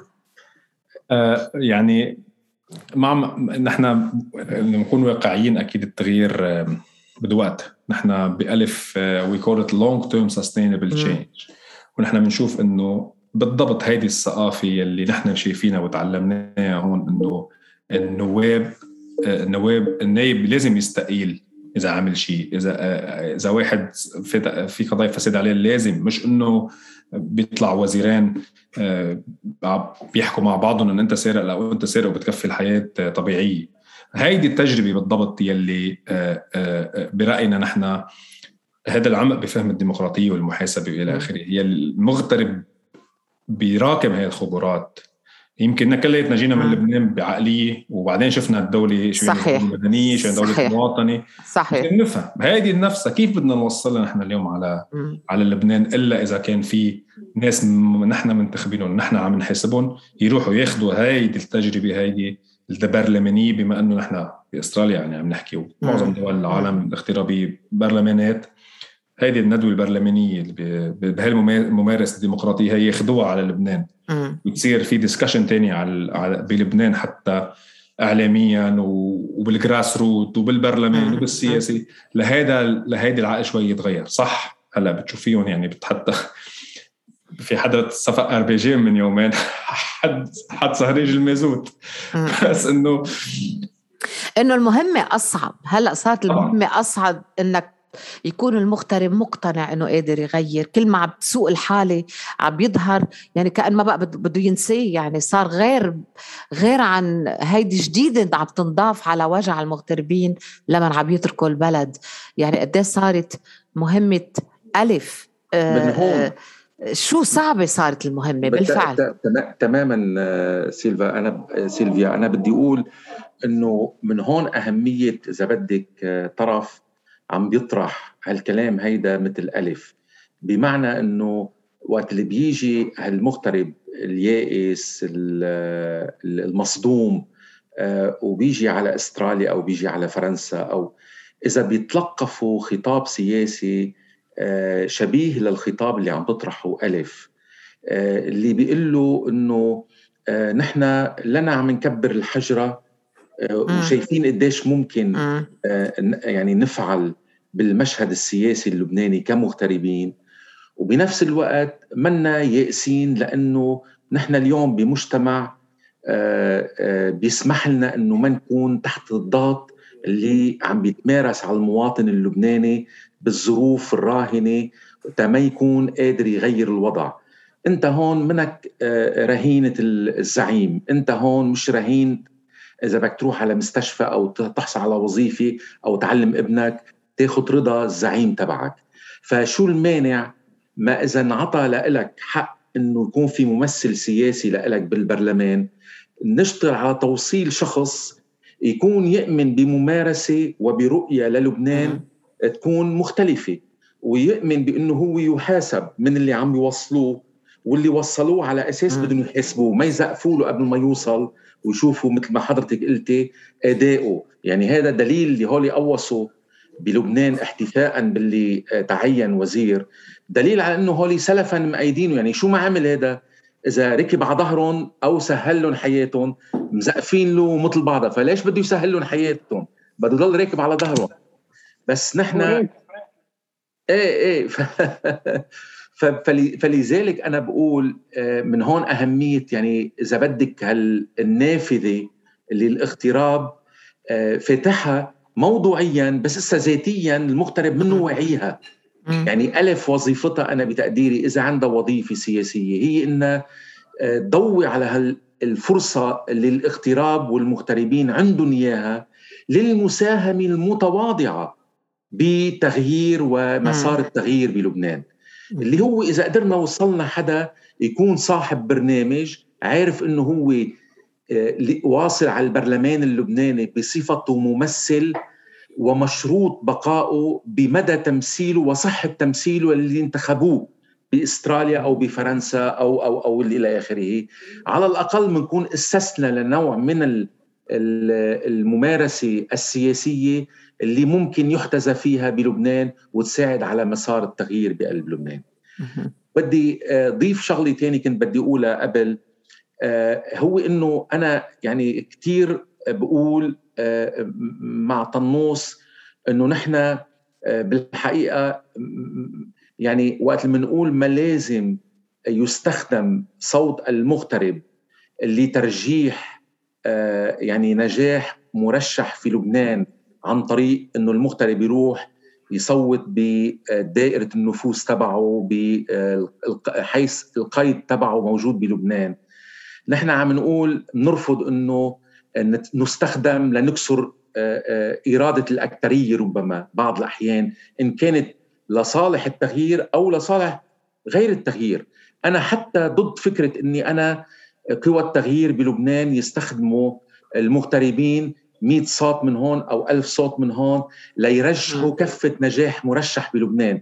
لأنه إذا الاكثريه بلبنان بدهم مرشح ما بدهم إياه يغير الوضع بلبنان. ما بيحق لي أنا هالمية اللي هون هي تغير رأي الأغلبية اللي هونيك.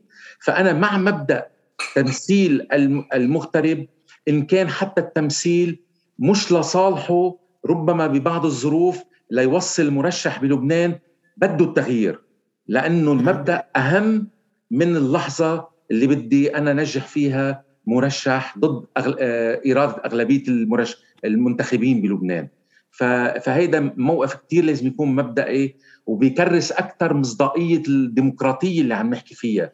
يعني نحن فعلا عم نقول صوتنا بده يكون مستخدم ديمقراطيا ولازم يستخدم للشخص المناسب ليمثل المصلحة المناسبة وليس إنه يكون ورقة لي يعني أنا عملت دراسة آه، عن انتخابات. هلأ يعني حضرت حضرتني الفكرة. عن انتخابات 2000 و... ما 18 اللي صارت 2009 بعتقد اذا ماني غلطان. 9 نعم. إيه. 9 جو 2009 إيه. بالضبط. اكتشفت إنه آه، إنه بدائرة صغرتا جورج بدائرة صغرتا آه الآخر آه آه الثالث اللي نجح اللي كان بوقتها ميشيل معوض. نجح بفارق بعتقد مب... يعني إذا ذكرتي تخدمني مزبوط يمكن 1500 صوت. وكان اللي راحوا صوتوا بقلب صغرتا أكثر من 2000 يعني يعني تصور إنه آه، كان لولا قصة هول ال 2000 اللي راحوا من هون ما كان طلع شو اسمه ميشيل معوض يمكن طلع مرشح معارض له فهذا هذا المنطق منطق إنه أنا يعني بستخدم المغترب لأكسر إرادة الاكثريه هونيك حتى لو إرادة الاكثريه للتغيير غلط أو لل شو اسمه غلط. فبالتالي أنا مع فعلا إنه المغترب يمثل نفسه. بس هيك بدي فيني أعلق شغلة صغيرة؟ تفضل. آه أنا برأيي إنه آه إذا بنرجع لل 2018 ال 2018 ما عملت أي تغيير بأي مقعد بلبنان. آه، ذكر طنوس إنه أقضية البترول وزغرتا وبشري والكورة فيها أكثر مغتربين برا وكان فيها ثلاث لوائح أساسية قوات وفرنجية وتيار وطني حر. أخذوا تقريبا أصوات متعادلة من من أستراليا. كل اللي انتخبوا بأستراليا كانوا حوالي 6000 آه، شخص وتقاسموا وتقاسموا بشكل متساوي. يعني بمعنى ثاني إذا المغترب بده ينتخب حسب مقاعد لبنان دوره السياسي صفر. ما في غير ما في غير باي بأي كذا. بينما مثل ما ذكرتوا معظمكم يعني إذا إذا قدرنا نوصل نايب من أستراليا بيحترم المحاسبة وبيحترم القضايا البديهية اللي بنعرفها هون بأستراليا. ممكن يفتح نافذة التغيير صغيرة بلبنان وتعاونه مع بقية نواب الاغتراب ومع قوى التغيير في لبنان. بيصير في نوع من نافذه مش أكثر مش أكثر من نافذة لبداية تغيير في لبنان. نعم. خلص شكرا. شكرا سي جورج شكرا. إذا في عندنا شيء مداخلات بعد؟ أو في عندنا شيء أي سؤال أي حدا بيحب يسأل؟ حتى لو رأي معارض يعني ما ضروري يكون الرأي راي يكون نفسه يعني. في في بتقدر بالعكس لازم يكون في آراء معارضة مشان نقدر نناقش أكثر رمزي رافع ايده يمكن. تفضل يا تفضل رمزي. بس unmute unmute him. unmute رمزي بليز هو هي هي هي unmute himself. رمزي. إيه صباح الخير. مساء الخير. مساء النور.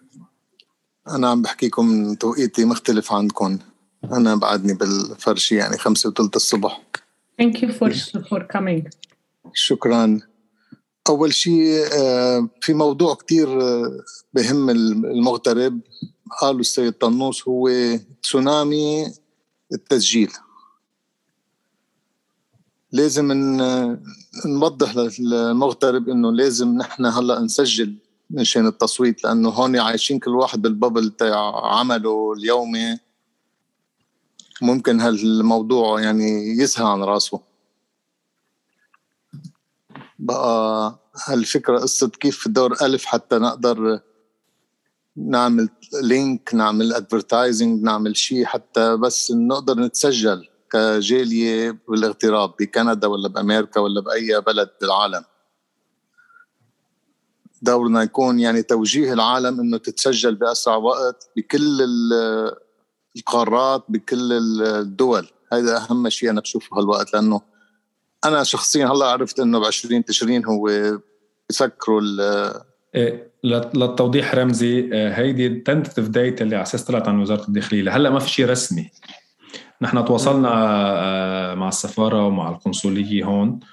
كان الجواب إنه هن they are expecting هذا قبل ما قبل تشكيل الحكومة بكم يوم إنه they're expecting آه، متوقعين ياخذوا شيء من يعني يعرفوا شو شو ال steps شو ال procedure وشو الأوراق لأنه في احتمال الأوراق المطلوبة تختلف عن أوراق السنة الماضية أو بالانتخابات 2018 لهلأ ما في شيء رسمي. نحن بس يكون في شيء رسمي طبعا. حيكون عندنا campaign كاملة آه على الموضوع. وحنشارك نشارك معك بأمريكا كمان تما أنتم كمان بأمريكا تستفيدوا منها. آه، بحسب القنصليات المنتشرة بالمدن آه، بأمريكا. هلا القنصلية السنة الماضية بسيدني هون عملت تسجيل أونلاين. فيك تطلع وتعمل upload لل documents online. بدنا نشوف. بالمبدأ هالسنه لازم يعملوا نفس الشيء وخاصة مع اللوك داون اللي اللي بأستراليا هون. بس بدنا ننطر ونشوف من هني. بس يطلع في شيء رسمي من وزارة الخارجية وبالتالي من القنصليات والبعثات الدبلوماسية. حن حن حنعلن هذا الموضوع نحن. يعني هذا ما بيمنع إنه نبلش نسجل صوتك بحملة مثلا. ما تيأس سجل صوتك حملة معينة قبل ما يكون في ديدلاينز بس حتى المغترب يعرف إنه لازم يسجل. إيه هيدي هيدي خاصة هيدي الأشخاص هيدي اللي هلا معك حق فيها صحيح. خاصة الأشخاص الحديثين الهجرة يعني جاي يأسان. بدك تقول له رسالة إنه ما تيأس. أنا أنا من الجدد يعني أربع خمس سنين بالاغتراب ماني صار زمان. آه لازم هيدي كثير تشتغلوا عليها وإنه نساعد بعض كلياتنا بكل القارات إنه نسجل أصواتنا. ثاني شيء سمعت الأستاذ عم بيحكي إنه عم بيرسموا الطائفية على كل قارة طائفة. هذا معقول نرجع نفكر بالاغتراب طوائف؟ هو القانون يعني هيدي اللي بدنا نحاربها انه خلص لبناني ما في طائفة. مع الأسف رمزي آه، هو آه، موزعين المقاعد على الطوائف الست الكبرى. آه، الحقيقة نحن يعني ما حبينا نفوت فيها بالنقاش هلأ لأنه ممكن تأخذنا على محل تاني. نحن نتمنى لبل عندنا اقتراح كمان وصلناه لوزاره الخارجية والمغتربين إنه تكون مقاعد المغتربين خارج القيد الطائفي تماشيا مع تماشيا مع البيئات اللي عايش فيها الاغتراب وإلى آخره وكخطوة صغيرة باتجاه إنه يصير البرلمان كله إن شاء الله برلمان خارج القيد الطائفي. يعني فكرة مهمة نبلش كاغتراب إنه نلغي الطائفية السياسية. إن شاء الله. يعني ست أشخاص بكرة أنا بقول لي كندا سنة وأمريكا أرثوذكس وأستراليا مارونة. رجعنا عم نتشقف حالنا. مع الأسف. للأسف هذا هو القانون وهذا إذا بدها تصير انتخابات للمغترب آه، ب 2022 بدها تصير على أساس طائفي ويخصصوا طائفة معينة لكل قاره للأسف. طيب بس شغلة نهائية وهيك طلب هذا من خارج الموضوع الاجتماع. آه، مشاركة جيل العشرينات بألف لحتى يكون عنده رؤية يكونوا هن على 30 و40 سنة عم بنفذوها لأنه نحن هلأ موجودين بكرة بنروح. نحن صرنا بالخمسينات والستينات والسبعينات ما بعرف وين حنصير. رؤية شبابية تقدر تدخل أولادنا لحتى يكون عندنا نحط لهم رؤية نحن هن نمشوا فيها على 30 و40 سنة لما يصير هن بمجال بيقدروا ياخذوا قرارات يكون نحن عم نوصل الرؤية تعيت تعيتنا اللي نحن ماسكينها من أجدادنا. وشكرا لكم وتشرفنا فيكم كلكم. شكرا لك. أهلا فيك. شكرا. في عنا عبد الله في عنا حسام عنده سؤال. حسام. إيه حسام أستاذ حسام درنا تفضل. إيه مسيكم بالخير جميعا يعطيكم العافية. شكرا هيثم وشكرا جميعا. في آه، أنا بس بدي أشارك الرأي الآخر يعني صراحة. معلش نذكره هون لحتى تكون الصورة واضحة للجميع يعني. ويتوسع يمكن دائرة النقاش. تفضل. أنا بالمبدأ آه، طبعا يعني مع فكرة الديمقراطية وكل مين يكون أخذ حقه مثل ما قلنا اللي هون هون والهونيك هونيك يعني كلام سليم بالمبدأ. ولكن في راي عند الشباب اللي عم تشتغل بحركة التغيير بتقول لك نحن ما وصلنا لهذا الحكي يعني هذا الحكي آه، مثالي أكثر ما هو عملي واقعي ليش؟ لأنه بيقول لك هن بحاجة لتحت لدعم أصوات المغتربين لقلب الميزانية صح نعم هيك المقصد 100% مثل ما ذكر دكتور آه، بول من قبل ومثل ما ذكر الأستاذ طنوس بس كمان بالمقابل لتكون الديمقراطية متوازنة وعادلة ما هن كمان الأنظمة أو عفوا الأحزاب بلبنان السلطة كمان رح آه، يعطوا أوامر لأنصارهم هون لحتى يعطوا مرشحهم الاصوات بشكل أعمق. ربما يعملوا صفقات كمان. يعني مثلا اليوم بدهم يقسموا هن المناطق لنقول العالم على ست مقاعد مثلا وكل قارة مقعد لحتى يتفقوا بلبنان ويتقاسموا بين بعضهم ويحطوا كل التكتل والثقل تبعولهم ليطلعوا مرشحهم. فقديش نحن عندنا أرقام دقيقة لحتى نحن نعرف إنه نحن عن جد سيف آه، وطبعا خصوصا إنه مواضيع التسجيل يعني اليوم نحن آه، في نقطتين مهمين. اليوم طبعا جاري 2018 أنا كنت ناشط بانتخابات 2018 هون بسيدني وشفت على الأرض كثير شغلات يعني بتحط علامات استفهام. يعني واحدة منهم مثلا طبعا أول شيء بدي أسلط الضوء إنه ما كان في 17 تشرين ب 2018 اليوم في نفس جديد. هذا كمان لازم نحطه بالحساب ما حسيت صار يعني لفت نظر عليه بالمداخلات اللي صارت من قبل. الأمر الثاني يا حسين. لا كنت موجود بس انقطع معي راحت البطارية صراحة غبت بس 10 دقائق أو 5 دقائق شنو لا لأنه اول أول بند ذكرناه من بنود آه، المحرضه على التغيير هو الانتفاضة 17 تشرين نعم. تفضل. لا فضل. أنا قصدي انتخابات يعني الاصوات اللي كانت هون. ففي شغلة لاحظناها هون على الأرض إنه في كتير ناس مستقلين آه، قدموا رأيهم على القنصليه والسفارة ليتسجل أسمائهم بس ما وصلت التسجيل لبعد الانتخابات. يعني في ناس محسوبين على بعض الأحزاب مرقت أسمائهم بسرعة واخذوا دغري تسجلوا بينما في ناس مستقلين مقدمين كانوا طلبات وهيك بس صار تأخير والحجة كانت إنه في ضغط. فاليوم أنا ما بعرف نحن قديش يعني ما في توضيح بعد من الدولة ما عندنا صورة واضحة. تواريخ مختلفة ما حددوا الطوائف ماشيين بعد عم يعني طبعا عم يدرسوا الموضوع بشكل فما بعرف قديش نحن عن جد رح نقدر ننجح نكون يعني من ناحيه التسجيل وخصوصا العالم بعدها منا واعي على النقطة هي. بس هي علامات يعني حبيت إنه نوسع دائرة النقاش ونحطها بالحسبان بناء على التجربة السابقة اللي صارت. وهذا هو يعني الموضوع ب يعني بس هيدي النقطة اللي هي. وطبعا بوافق على نقطة إنه طبعا لازم يصير توعية وضغط على موضوع التسجيل. ما بعرف هون إذا فينا نصير تواصل يمكن مع الخارجية اللبنانية قديش رح يتعاونوا لحتى يصير ضغط حول المغتربين كلياتهم حول العالم ليصير تنسيق وكذا ليصير التسجيل بسرعة. وساعتها مثل يعني بصير عندنا داتا نوعا ما بنعرف مثلا إقبال الشعب مع التسجيل وساعتها يبنى على الشيء مقتضى مثل ما بيقولوا. فبينما الشباب اللي عم تشتغل بباقي المناطق أو اللي عم تقول لا خلونا بال 128 حاليا لأنه في كتير يعني شبهات حول الوضع الحالي. في علامات استفهام في عملية بحسوا استبعاد ربما من الأحزاب للمغتربين المستقلين عن قصد أو عن غير قصد ما بعرف ما بدي هلأ أنا أحلل بس يعني آه، فهيدا بعتقد هيك بس لحتى تكون هذا وشكرا لوقتكم. عبد الله بتسمح لي ضوي على تفضل شكرا حسام على المداخله النص آه، حسام كويس إنك آه، يعني تبنيت آه، وجهة نظر تاني. وبعتقد نحن مرقنا عليها حسام يعني إنه بين ال 128 وال 60 رايت وأنت عم تقول هلأ إنه هيدي هاي السلطة يعني آه، فيها تعمل اللي بدها اياه ما هي السلطة بإيدها. يعني بتحط آه، آه، مقعد بتقول هذا سني هون بتقول هذا شيعي هونيك بتقول كذا وبدها تعمل توزيع طائفي. ولو أنت ما بدك يعني على التوزيع يعني آه نحن السؤال اللي بدنا نسأله هو هذا يعني اللي بدنا هيك ندقق فيه شوي. الأصدقاء بقوى التغيير عم يقولوا إنه الاغتراب معنا. مشان هيك بدنا إنه الاغتراب ينتخب هونيك مشان نعمل تسونامي هونيك ونقلب هاي القصة. ما بعرف إذا أنا كنت موجود وقت أنا مرقت على هاي النقطة وقلت إنه إنه آه، آه، هاي السلطة مش جماعة أغبياء.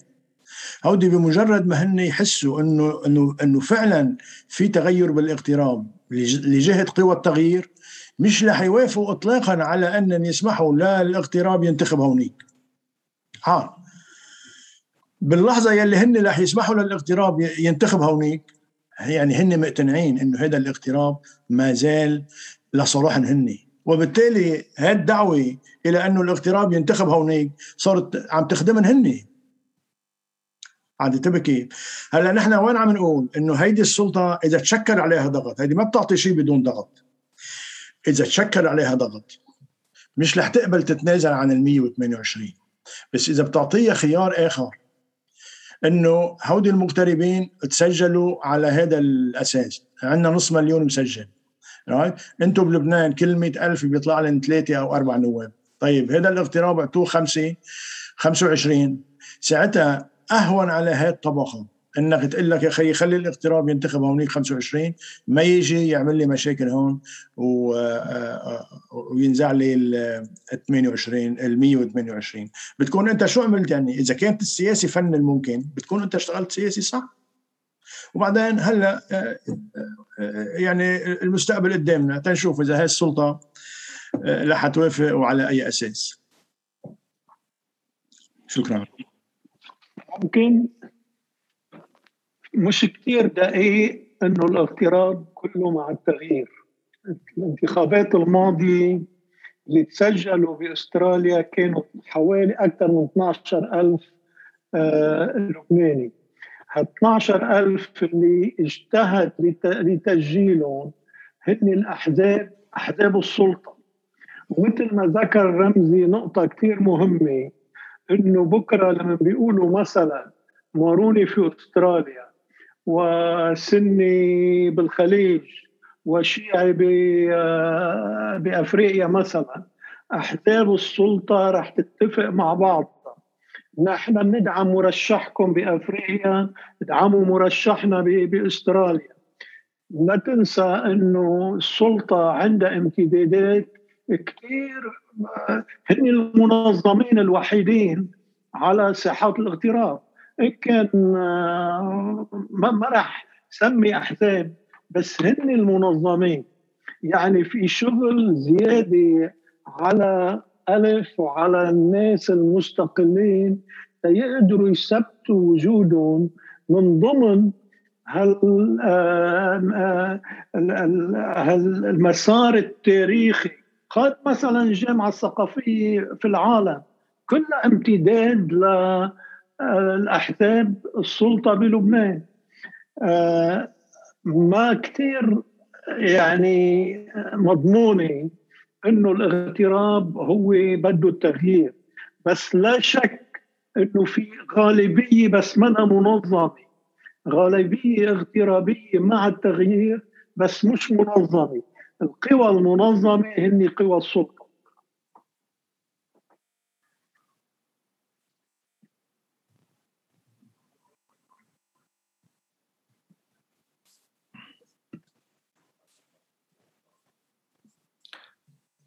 أوكي. أه بتصور أه أه وصلنا يمكن لنهاية النقاشات إذا بعد ما بقى في أي سؤال.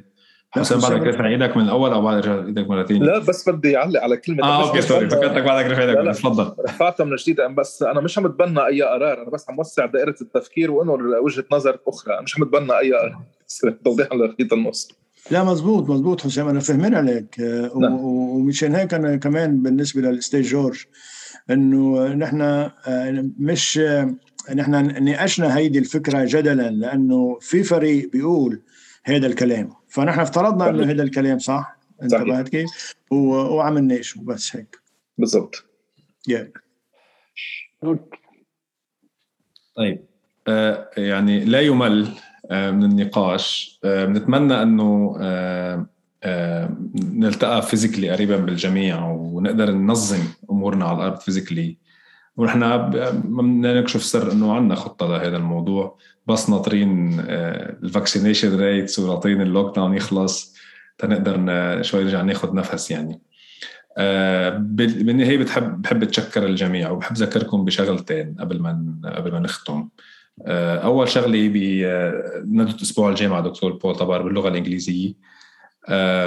نتمنى معظم الحاضرين هم باللغة العربية تشارك مع أولادكم مع أصحابكم مع رفقاتكم.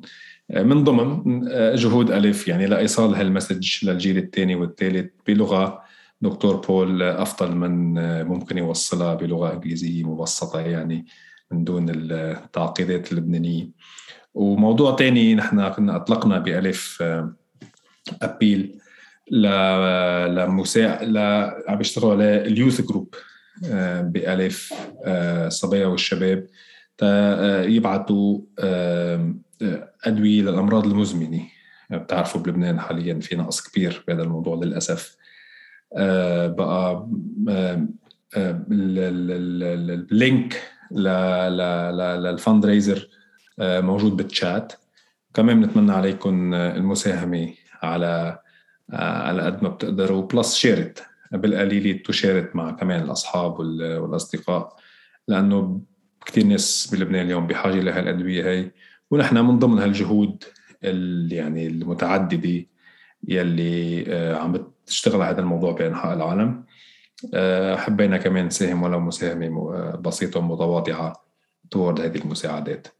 ومن دون من نية من نيتنا نحن عم نشتغل يعني نشتغل لهالبلد اللي كثير كلياتنا بنحبه.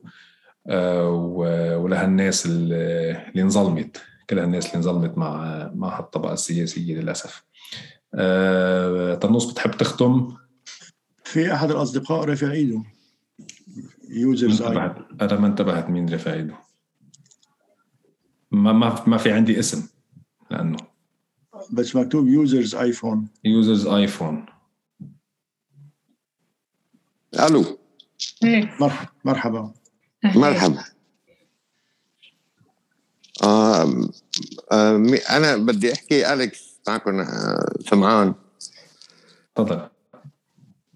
آه أنا بدي آه حقيقة هني أصحاب هذه الفكرة الجميلة آه، وبتمنى آه، كل إنسان حر وفي بقلبه فعلا شيء من حب التضحية في سبيل المجموع وفي سبيل الوطن الأم. شيء تحرك مهم جدا. ما في شيء بيخلق كبير. حبة قمح وحدة بعد عشر سنين بتزرع. آلاف الهكتارات. فهني كل واحد عم بيحط آه، هذه الجهد المتواضع في سبيل استثمار هذه هذه الفكرة وتكبيرها وأنضاجها للوصول لمطرح نحس فيه فعلا إنه هناك حركة عم تدور على في كثير آه، أفكار وأحزاب وحركات نضالية بس كمان نحن في عنا واقع مختلف كنا مغتربين. فلابد من من الاهتمام بهذا الموضوع وهيدي شغلة عظيمة جدا. أه بس هيك بحب بحط بين هلالين إذا حدا بيحب وفي عنده يجاوبني 20 سنت على على الدقيقة بفجر ثوره بتشرين. ودولار ب ألف ليرة آه، وصل الجوع لكل أطفال أهلنا بلبنان وكبارهم وصغارهم وما صار في ثورة. شيء ملفت جدا. بتمنى إذا في حدا عنده هيك انضاج لهذا التساؤل أو أو جواب. وشكرا جزيلا للكل. وكل الأماني الطيبة بالنجاح. وإن شاء الله إيدنا معكم. شكرا لك آه، وعلى أمل آه، هل هل حبة القمح تصير آه، سهول؟ طبعا طبعا طبعا جهود الجميع. طبعا. طنوس بتحب تجاوب على السؤال؟ يمكن يمكن الجواب بده كتير ويعني يمكن بده دراسات هيد بس إذا بنشوف يعني شو اللي حصل من 17 20 لحديت هلأ يعني آه، لا سيما آه، انفجار بيروت آه، الكورونا يلي الاستيلاء على أموال الناس الناس صارت ملتهيه كومبليتلي يعني كيف تأمن لقمه لاولادها تنكة بنزين وإلى آخره. يعني ما بدنا نجلد الناس يعني أحبائنا بلبنان كثير الحمل عليها كتير كبير. وبعتقد إنه يعني آه، ما لازم نطلب منهم أكثر من هيك. آه، وهذا اللي كل شيء فينا نقوله. يعني نحن لازم نشوف نحن شو فينا نعمل. وهن قال له يعني له مكة أدرى بشعابها وطبعا لا بدنا ننسى قمع السلطة يعني وقمع إيه، إيه، إيه، قمع أحزاب أحزاب السلطة وكل هذا والتهديدات اللي حصلت كل هيدا يعني. أنا مثل ما قلت إنه جوابي ناقص طبعا لأنه الجواب يستاهل أكثر من هيك بكثير بس يعني كرؤوس صح. أكيد موضوع واسع. نعم. موضوع واسع جدا. وفي قصة مش بس إذا كانوا ضنوس يعني في شغلات كثيرة من القمع اللي تعرض له الناس القتل فق الأعين كل منا... كل ناشط سياسي بلبنان بعدهم لهلا عم بيجيبوه على التحقيق ويحققوا معه إلى آخره. إضافة إنه ذكرت سيلفا من شوي إنه هجرة الأدمغة معظم اللي هودي عم بيتركوا لبنان عم بيضاعفوا قوى التغيير كمان بلبنان لأنه معظمهم هودي من الراضيين عن الوضع القائم في لبنان. يعني هيدي وحدة بدها بدها ندوي بحق. إيه آه صح آه بس الملفت آه أنا صوتي عم يطلع؟ إيه. تفضل. إيه آه الملفت الحقيقة إنه آه باللي آه صار من 17 تشرين لليوم من الانفجار ومن سرقة أموال الناس وإلى آخره آه هيدي أسباب آه مضاعفة آه بشكل كبير وهائل جدا على الأسباب اللي فجرت 17 17 تشرين. فمفترض كان يعني حتى خلينا نحكي بهول الأحزاب كل الأحزاب من من ما من عدا حدا من أولهم لآخرهم مناصرينهم واعضائهم والمنتسبين لهم ومقاتلينهم كلهم عم يعانوا من هذا العبء. وين؟ يعني في حالة انفصام عند هذا المواطن شغلة ملفتة بشكل إنه مش قادر يعني عن جد شيء ملفت. إنه إنه ما تشكلت إرادة موحدة مع كل هذا الضغط الهائل من السقوط المدوي والمدوي على اللي صار على شعبنا وعلى أهلنا ومفترض تكون قوى 17 تشرين صارت. مضاعفة يمكن مئات المرات ولازم تحدث حالة تغيير لأنه كنت عم بحكي اليوم مع ابن أختي عسكري قال لي اشتريت سندويشة بطاطا ب ألف ليرة معاشه مليون و ألف. يعني الشاهد أنه في في شيء أنا عن جد أنا مش قادر أفسره في انفصام فينا نسميه مدري شو. الحقيقة شيء شيء غريب عجيب.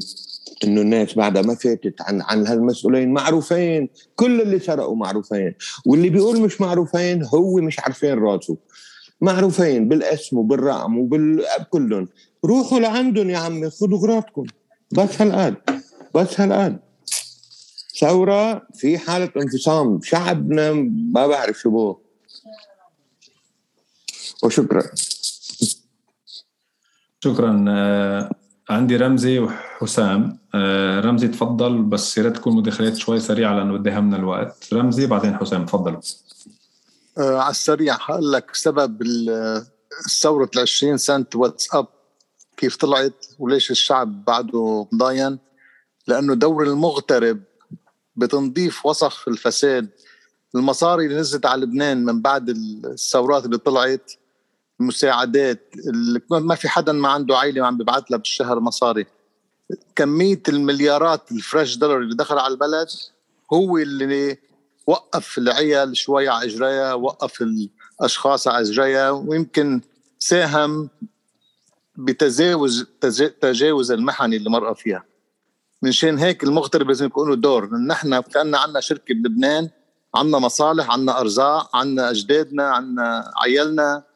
لازم يكون لنا دور فعال ولازم نطور دورنا. شكرا.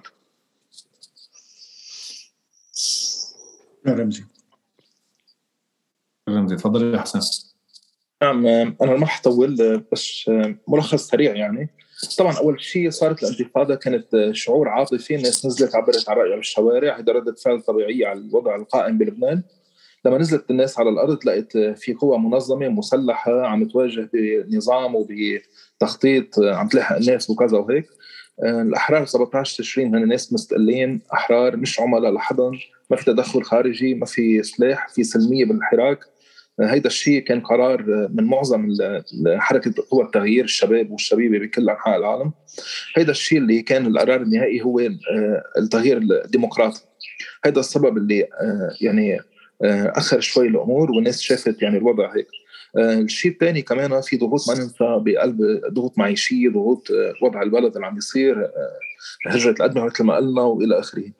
هلأ اللي تفضل فيه الأخ ما انتبهت شو اسمه اللي تفضل فيه يعني كتير مهم وبالعكس هيدا هو يعني عم يحكي هلأ بحاجة ليش الحاجة لألف يعني كلامه بالصميم لأنه بتعرف بلبنان كل فريق بيقنع كل عفوا كل حزب بيقنع جماعته أو كل قيادة طائفية بتقنع جماعتها إنه الطرف الثاني هو سبب المشكلة.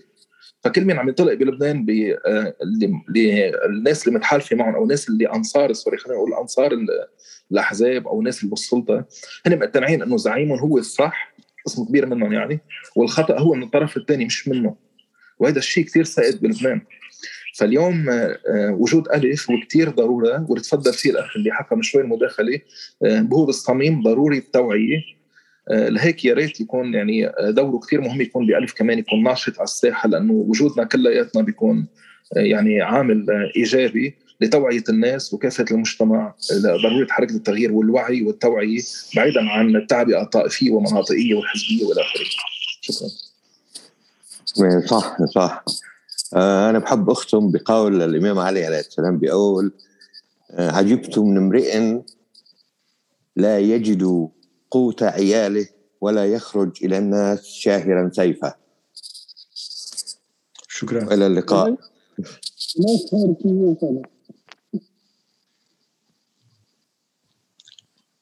شكرا آه، للجميع على المداخلات وشكرا كثير للحضور. آه، وهيدي كانت آه، خلينا نقول آه، أول تجربة زومية. لألف بعد سلسلة محاضرات كنا نظمناها قبل فيزيكال آخرها كان just few days قبل ال lockdown وانطرونا بمحاضرات جاي مثل ما قلت الأسبوع الجاي بنفس الوقت مع الدكتور بول طبر. وتكرر المسافة إن شاء الله من هلأ لوقتها.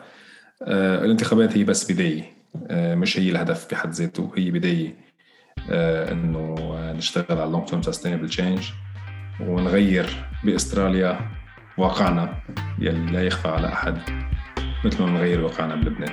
شكرا للجميع ويعطيكم ألف عافية.